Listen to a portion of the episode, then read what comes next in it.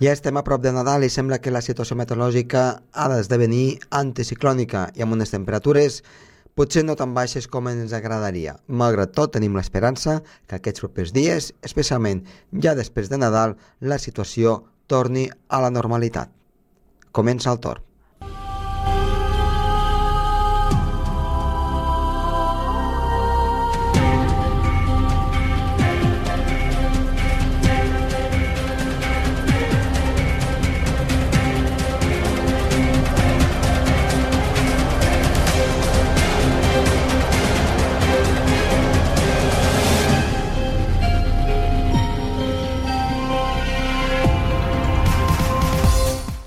Avui el programa serà molt interessant de nou i és que de fet tenim els amics i companys de No Working on Power Days, un grup de gent aficionada a la neu, sobretot a la neu pols, i que ens explicaran les seves aventures. Som-hi, el programa comença tot seguit.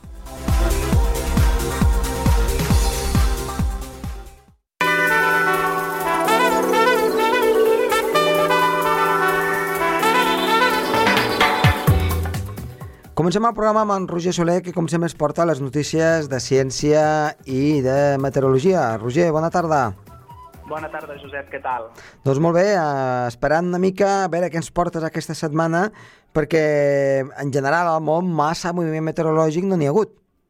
Doncs no, realment estem pendents de totes les fonts d'informació que tenim disponibles, de totes les agències regionals dels països, i realment no hi ha massa moviment meteorològic. Continua fent bastant fred a la zona de Sibèria, 40-50 graus sota zero, per tant, es va emmagatzemant l'aire fred cap a les latituds altes. Veurem si les pròximes setmanes s'escalfa la part alta de l'hemisferi nord i aquest aire fred es despenja cap aquí a les latituds mitjanes. Uh Mhm. -huh. Segons els models estacionals, podria passar això, podria arribar a passar això, tot i que mm, a curt termini, com a mínim, el que queda d'aquesta setmana, temps bastant, bastant tranquil·let, no? Doncs sí, la veritat és que sí, cues de front que ens han anat creuant, amb una miqueta més de neu a, a que és a les estacions, però així cap gran nevada, cap mm, gran canvi, eh, de moment no n'hem tingut. Doncs no, i com dèiem, pendents de, de totes les agències d'informació a nivell europeu i també a nivell mundial, i no hi ha massa història a comentar. Per tant, ens quedem explicant un fenomen que va ocórrer Mhm. uh, concretament la nit de diumenge a dilluns, si recorden els nostres oients, hi havia una pertorbació, una zona de baixes pressions al, al voltant de, del Mediterrani que va anar evolucionant per l'arxipèlag Balears i, a més, amb una zona d'aire fred aïllada, amb una bossa d'aire fred aïllada, que encara al Mediterrani en temperatures, podríem dir, força suaus, superiors a les normals per l'època, va deixar un patacot d'aigua impressionant a la comarca del Garraf, a la comarca catalana del Garraf, que va deixar fins a 99 litres, Josep, a Sitges, i 50 litres a Sant Pere de Ribes. I va ser precipitació, va ser una tempesta forta acompanyada també de calamarsa, que va Mhm. deixar fins a un pam de neu a la C32 i desenes de vehicles es van quedar atrapats en aquesta carretera de, de la costa central de Catalunya. Per tant, encara déu nhi el que pot donar de si eh, l'aigua del mar així calenteta, eh? I, perquè no és gaire normal que a les vigílies de Nadal encara es formin nuclis convectius. No, de eh, tenir- és, és precisament el que et volia comentar, perquè clar, aquesta perturbació mediterrània eh, de sí, sí que pot donar molta pluja en moltes hores, eh, són les que provoquen després inundacions, algun xàfec moderat, sí, però mm, tempestes d'aquest- d'aquesta magnitud, la veritat és... Exacte, exacte. No és gaire, no és gaire habitual. No. I la causa l'hem de trobar precisament a aquesta energia potencial molt superior al que seria habitual del mar Mediterrani, Josep. Hem d'explicar que el mar Mediterrani podríem dir que és un factor que potencia, que reforça les precipitacions i també li hem de sumar l'orografia, com sempre. És important. La serra del Garraf va fer de palanca amb vents del sud- sud-est que injectaven moltíssima humitat i, juntament amb, la, podríem dir, amb l'energia, amb el combustible del mar Mediterrani, va fer que aquesta tempesta agafés magnitud, agafés embranzida i sigués capaç de baixar calamarsa fins i tot. I la calamarsa s'explica per l'embossament d'aire fred en Mhm. alçada, per aquesta zona d'aire fred en alçada que venia acompanyant la zona de baixes pressions. Clar, l'haver-hi una zona, una bossa d'aire fred a les capes altes troposfèriques, quan es formen aquests núvols de tempesta que tenen desenvolupament molt vertical, es desploma literalment l'aire fred i cau precipitació sòlida. Es solidifica la precipitació, que no pot ser en forma de neu, perquè a les capes mitges i baixes la temperatura, doncs podríem dir que era suau, era temperada, però és com un desplom diguéssim, del, del, del glaç, de l'aire fred que hi ha dalt, cap a la superfície terrestre i per això hi van haver aquestes calamassades força, força importants, que ja diem, no és una situació gaire habitual que pràcticament a pocs dies per entrar al solstici d'hivern, que hauríem de tenir pluja més estratiforme, més d'aquella d'anar fent, uh -huh. tinguem nuclis convectius, que això és més habitual de l'estiu, de la primavera i de la tardor, Exacte. hi ha contrastos no, en l'atmosfera, sí, sí. però pel que es veu, el mar Mediterrani encara continua donant de si i encara ens continua portant aquestes sorpreses, que si, si recordes, fem un enllaç uh, d'això amb aquesta, aquelles inundacions que parlàvem fa setmanes de Ligúria, la Toscana, sí. tota la zona del nord d'Itàlia, recordes que la causa era ni més ni menys que una embranzida, un escalfament del mar Mediterrani superior al que seria habitual, uh -huh. doncs podríem, podríem extrapolar aquesta situació amb una escala molt més reduïda, però seria un de, una de les causants d'aquesta tempesta local, d'aquests fenòmens severs, molt locals, a la comarca del Garraf. Uh -huh. um, parlant d'una altra cosa, Roger, la setmana passada vas parlar d'aquest temporal de vent que va afectar aquí al Principat d'Andorra, però també a zones de Catalunya. I he pogut veure imatges ja després d'aquesta tempesta de la zona de Can Deu a Sabadell, d'un bosc sí. on els arbres, eh, els pins, han estat arrencats de socarrel. Mm, és que es veu eh, tota l'arrel i tombats al terra com si hagués passat doncs, un, un, un tràiler o, o una maquinota d'aquestes per damunt i tot tombat sí. al terra, però és que no tombat i trencat, sinó arrencat de, sota, de socarrel. Arrencat de sota, exacte. I, de fet, hem de saber, els, els científics, els meteoròlegs del Servei Meteorològic de Catalunya i de l'Agència Estatal de Meteorologia ho estan analitzant, ho estan estudiant, però segons, per exemple, va dir en unes declaracions l'Eliseu Vilaclara, que és un tècnic meteoròleg del uh -huh. Meteocat, del Servei Meteorològic, va dir que estan estudiant la situació, però podria tractar-se d'un esclafit no convectiu. Un esclafit podríem dir que és un descens brusc i sobtat d'una massa d'aire, uh -huh. com si caigués desplomada una massa d'aire que provoca també aquest corrent d'aire. Però per què en diem esclafit no convectiu? Doncs perquè es va produir una situació d'una massa d'aire estable, d'una massa d'aire més aviat anticiclònica, uh -huh. i sí que hi havia una bossa d'aire fred cap al golf de Lleó, però en general hi havia una, una dorsal anticiclònica amb un gradient bàric, amb una diferència de pressió bastant acusada. Per tant, la massa d'aire era força estable, per això en diem esclafit no convectiu, perquè normalment aquests esclafits, aquests descensos bruscos de la massa d'aire, normalment van associats a nuclis convectius, van associats a fenòmens tempestuosos. Doncs aquest cas no va ser així. Segurament tot apunta a aquest, uh, això, a aquest uh, efecte venturi, que també és una acceleració de la massa d'aire i una canalització pels rius de la zona del prelitoral i també que va donar lloc a aquest esclafit no convectiu. Uh -huh. A veure que van, com, quin entrellat van traient, no? Uh -huh. El Però... Servei Meteorològic de Catalunya i ho anirem explicant. Però -huh. seria això, esclafit no convectiu associat a una acceleració de la massa d'aire per l'efecte Venturi, podríem dir, al baixar la serralada prelitoral. Però això, evidentment, eh, és del tot imprevisible. Sí que es va anunciar vents forts, això sí que és correcte. Vents que podien causar problemes, també es va dir. Per tant, sí. això la gent estava avisada. I sí, amb la quantitat de massa forestal que hi ha a la zona mediterrània, ja que ja s'ha deixat el camp, amb una gran sí. part, eh, on, on hi havia camp, allà on hi havia vinya, doncs ara hi ha bosc, és evident que eh, el pi mediterrani doncs, eh, no és molt fort a l'hora de sentar-se al terra i, i cau sí. amb relativa facilitat, diguem relativa, eh? necessita vents, vents molt forts. Però, clar, eh, es pot arribar a predir un, un esclafit d'aquest tipus?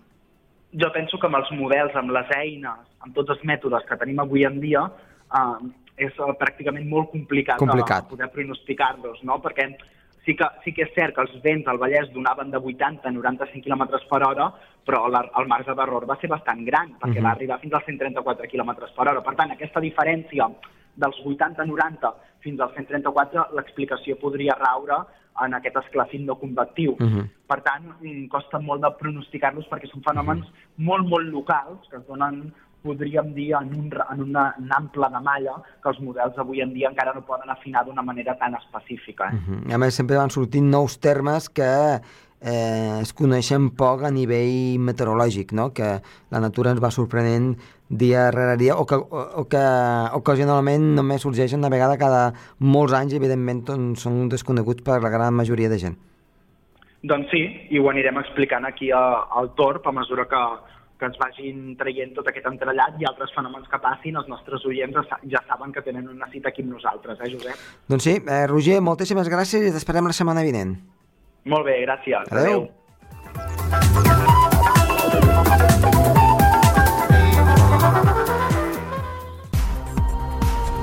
El Torb, amb Josep Tomàs.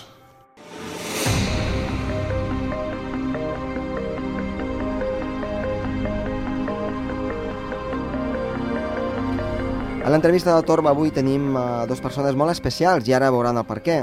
Escoltin aquest nom, No Working on Power Days. Tenim avui a la Crista i a l'Elton. Bona tarda. Hola, bona, bona tarda. tarda. A veure, aquest nom és en anglès, però són gent que són d'aquí a Andorra i ara doncs, ens explicaran què vol dir aquest nom i que està molt relacionat amb meteorologia i, com no, amb la neu d'aquí del Principat d'Andorra.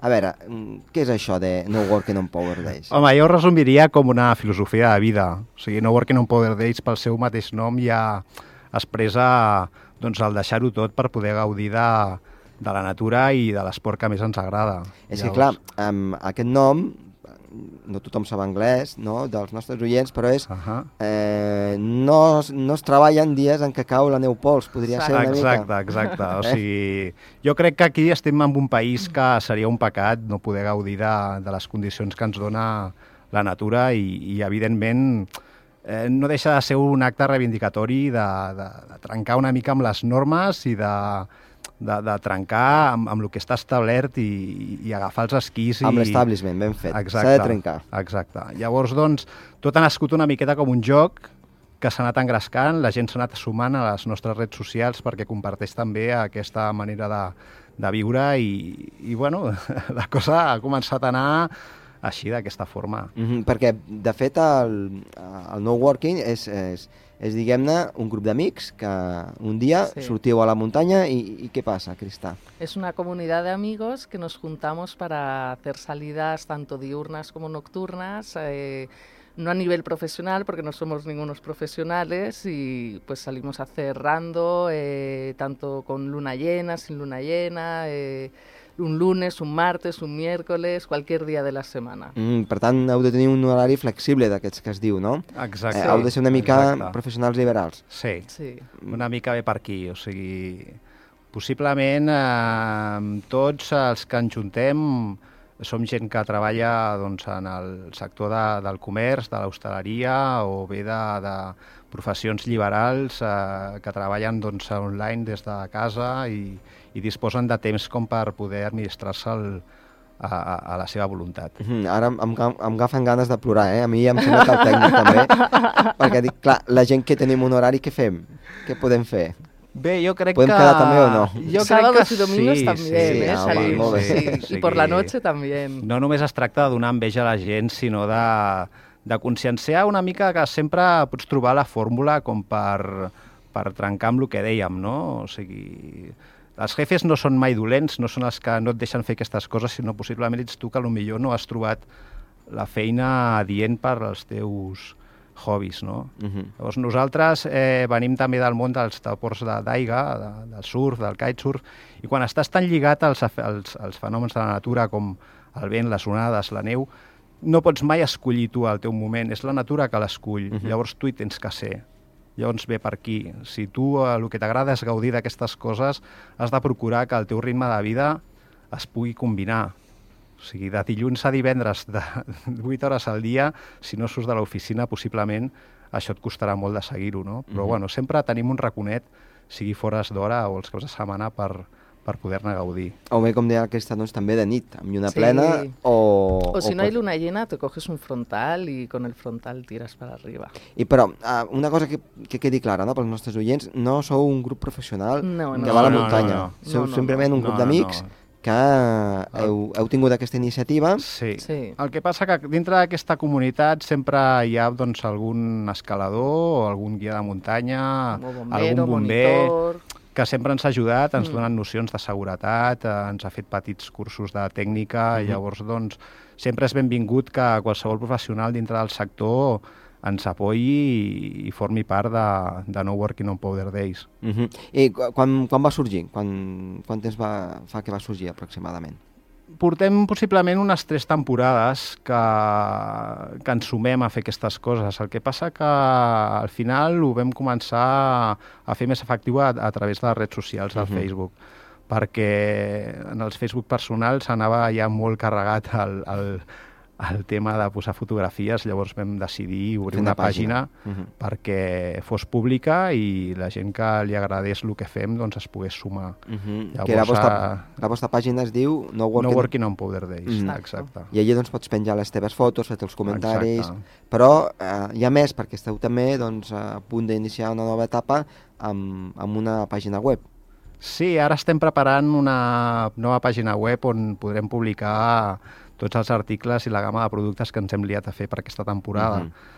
Perquè molts dels nostres fans ens preguntaven ja l'any passat si teníem algú que ens representés com una gorra, una samarreta, els mateixos stickers que hem començat a repartir, doncs hem vist que hi havia molt bona acollida i ens han animat a, a treure una gamma de, de productes nostres. no? Mm -hmm. Crista, digue'ns una mica aquesta gamma de productes que podem trobar aquí al Principat Sí, d'Andorra sí, també. tenemos diferentes puntos de venta en toda Andorra, de- tanto en el Valle de Valnor como en Gran Valira. Ujú. Eh, también tenemos un punto de venta en Bagueira Beret y en estas tiendas se pueden encontrar las gorras, los gorros de lana, los gorros de licra, térmicos, ropa interior térmica, los cuellos que los hemos bautizado como necks, eh, luego también cositas como llaveros, monederos, los straps de los esquís. Y todo esto va en un expositor que hemos hecho nosotros de madera, con palés reciclados, totalmente hecho handmade por nosotros, y con imágenes también de no working. Y, y la verdad es que estamos muy contentos con todos los productos, está teniendo muy buena acogida y están saliendo bastante bien. Mm, a, a més, el preu és assequible. Sí, es bastante asequible. I hem de dir també doncs, que aquests, aquesta gamma de productes em, té un origen que no és l'habitual. No, exacto, está 100% hecho en España. Per tant, no, ve- no, no ve ni, ni, ni de Xina... ni de Asia, ni nada. Y queremos continuar con esta filosofía también. Mhm. de I això no, no encareix el aquí. producte? Sí, sí que lo encarece y además hemos acabamos de empezar y tampoco hemos podido hacer unas cantidades muy grandes porque somos muy pequeños todavía. Eh, Entonces nosotros también aquí nos hemos apretado un poco el cinturón para que nuestro cliente tenga un buen precio Ujú. y el que salga ganando también eso sean ellos. Mhm, És increïble, no?, perquè d'una cosa que un dia se t'acudeix de, Mhm. de dir, mira, m'agrada sortir a la muntanya i Sí, disfrutar-la, sí. doncs com, com va avançant. Cap on voleu anar? Quin és el vostre... Home, l'ànim és que la gent cada cop ens coneixi més i, i poder sortir del Principat, que bé, ja hem sortit, hem començat per la Vall d'Aran, però ens agradaria estendre'ns a la península i, i si pot ser, doncs, a altres països d'Europa. O sigui, creiem que el potencial és bo, la gent s'està sumant des de les redes socials, eh, començant per eh, França, Alemanya, Àustria, Suïssa, tenim fans des de Canadà, des de Nova Zelanda, o sigui que veiem que, que això pot tenir tirada i, Mhm. i l'ànim és de treballar de valent, encara que vagi en contra dels nostres principis, però bé, algun dia també tenim que treballar. Mhm. Esperem que... Clar, s'ha de menjar, no? Exacte. Sí, sí, Llavors, doncs, eh, encara que no ho sembli, treballem, treballem. la veritat és Però hi ha una cosa treballem. que és important, no?, que és eh, heu fet una cosa per, per gaudir-la i us heu trobat amb una, amb una demanda. Vull dir, no és que Exacte. hàgiu bus buscat la demanda. No, no, no. Simplement no. heu anat a gaudir de la neu, en aquest Exacte. cas, Mm. la neu pols, Sí. Sí. en el seu màxim esplendor, doncs, Ahà. eh, els dies que, que hi ha neu, i a partir d'això de les xarxes socials, eh, vosaltres doncs, heu començat doncs, a fer aquest merchandising, però ha sigut a partir de que la gent us ho demanava. Exacte. Exacte. perquè si no us ho hagués demanat, no... No, no, no. O sigui, No. s'hagués quedat amb, amb bé un, un hobby com qualsevol altre per gaudir-la i, i, i aquí està tot, no? El que passa que, a veure, jo també tinc facilitat en, en, en fer aquestes coses, soc dissenyador gràfic, Mhm. Clar, ja no a és més el, a més, no? Sí, Clar. no és el primer cop que m'enredo en, en fer coses d'aquestes, sinó que també hi ha doncs, a, al sud d'Espanya, a Tarifa, amb l'ambient del surf i del kitesurf, i també a Brasil doncs, eh, ja he col·laborat amb, amb dissenyar altres marques, no? I, i bé, en aquí tampoc ha sigut una cosa que em costés molt perquè ja de bones a primeres em motiva molt no? fer aquestes, Mhm. aquestes accions. Y co- como os digo en, en castellà, doncs, eh, se juntaron el hambre con las ganas de comer, perquè Sí, és comercial, no? Exacto, yo vull dir que ja trabajo- està tot, tot encarrilat. Tot Claro, era encarrilado. fácil. Yo estoy en una distribuidora, en Oxygen Distributions, entonces no era difícil. eh, lo teníamos todo un poco. El diseñador, la comercial y la empresa ya estaba formada. Entonces no ha sido complicado, al revés, nos lo han facilitado un poco el poder hacer nuestro sueño realidad, la verdad. Mhm. La gent que vulgui comprar els vostres eh, productes, Ahà. eh, ah, per internet es poden comprar o encara no? De moment no, perquè... Per ens això ha- ja deu estar a punt, eh? Mm. A punt, eh? A veure, mm, també som partidaris de que la gent que vulgui el nostre producte vingui aquí a Andorra també a, a comprar-ho, no? És una Una cosa que volem andorrana.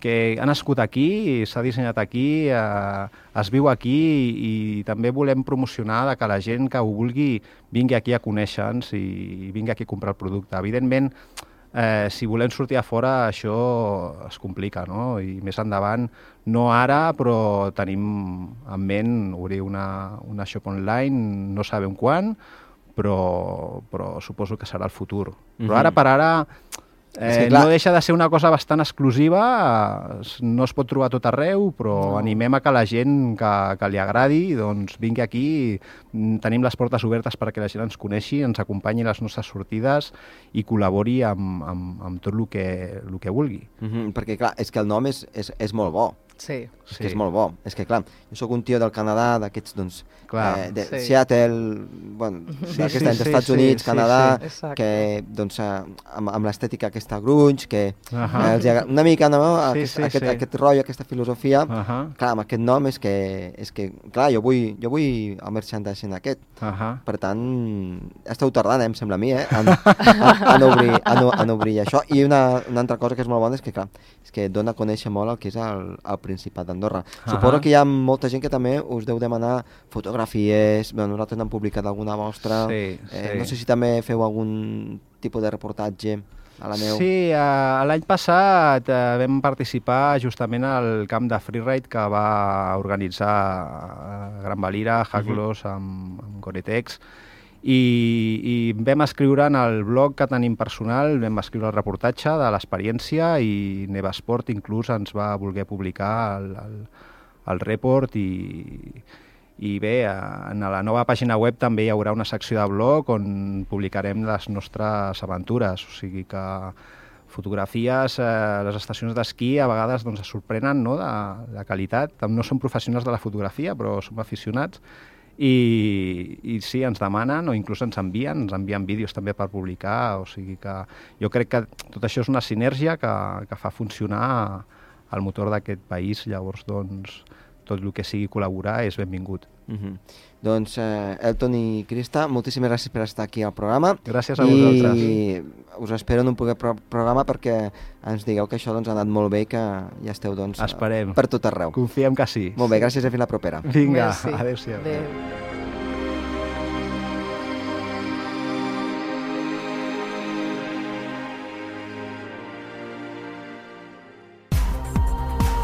El torn amb Josep Tomàs.